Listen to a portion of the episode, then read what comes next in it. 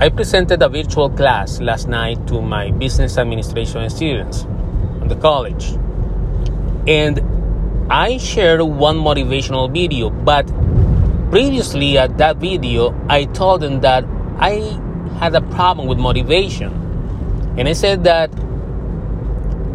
why motivation has to be so important in our lives to achieve something.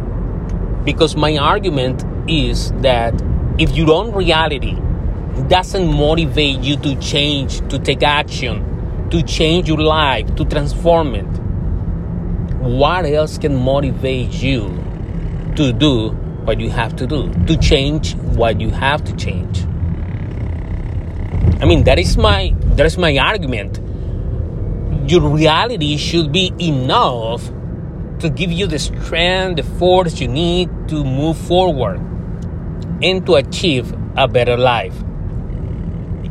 And thinking about reality, I found a powerful quote from Jack Welch, the former General Electric CEO, Jack Welch. And he says something about reality. He said, Face reality as it is, not as it was or as you wish it to be. Wow. Let me let me repeat it. Face reality as it is, not as it was or as you wish it to be. That's true. I mean, face reality. Sometimes I think the motivation, maybe I'm wrong, but motivation sometimes make up our reality.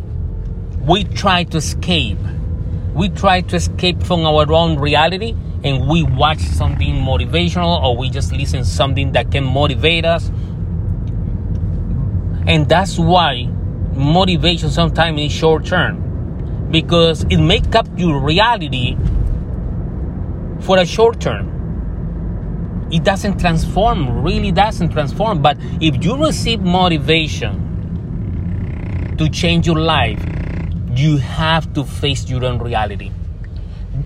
The most powerful motivation you can have is a motivation that can help you face, recognize, embrace your own reality.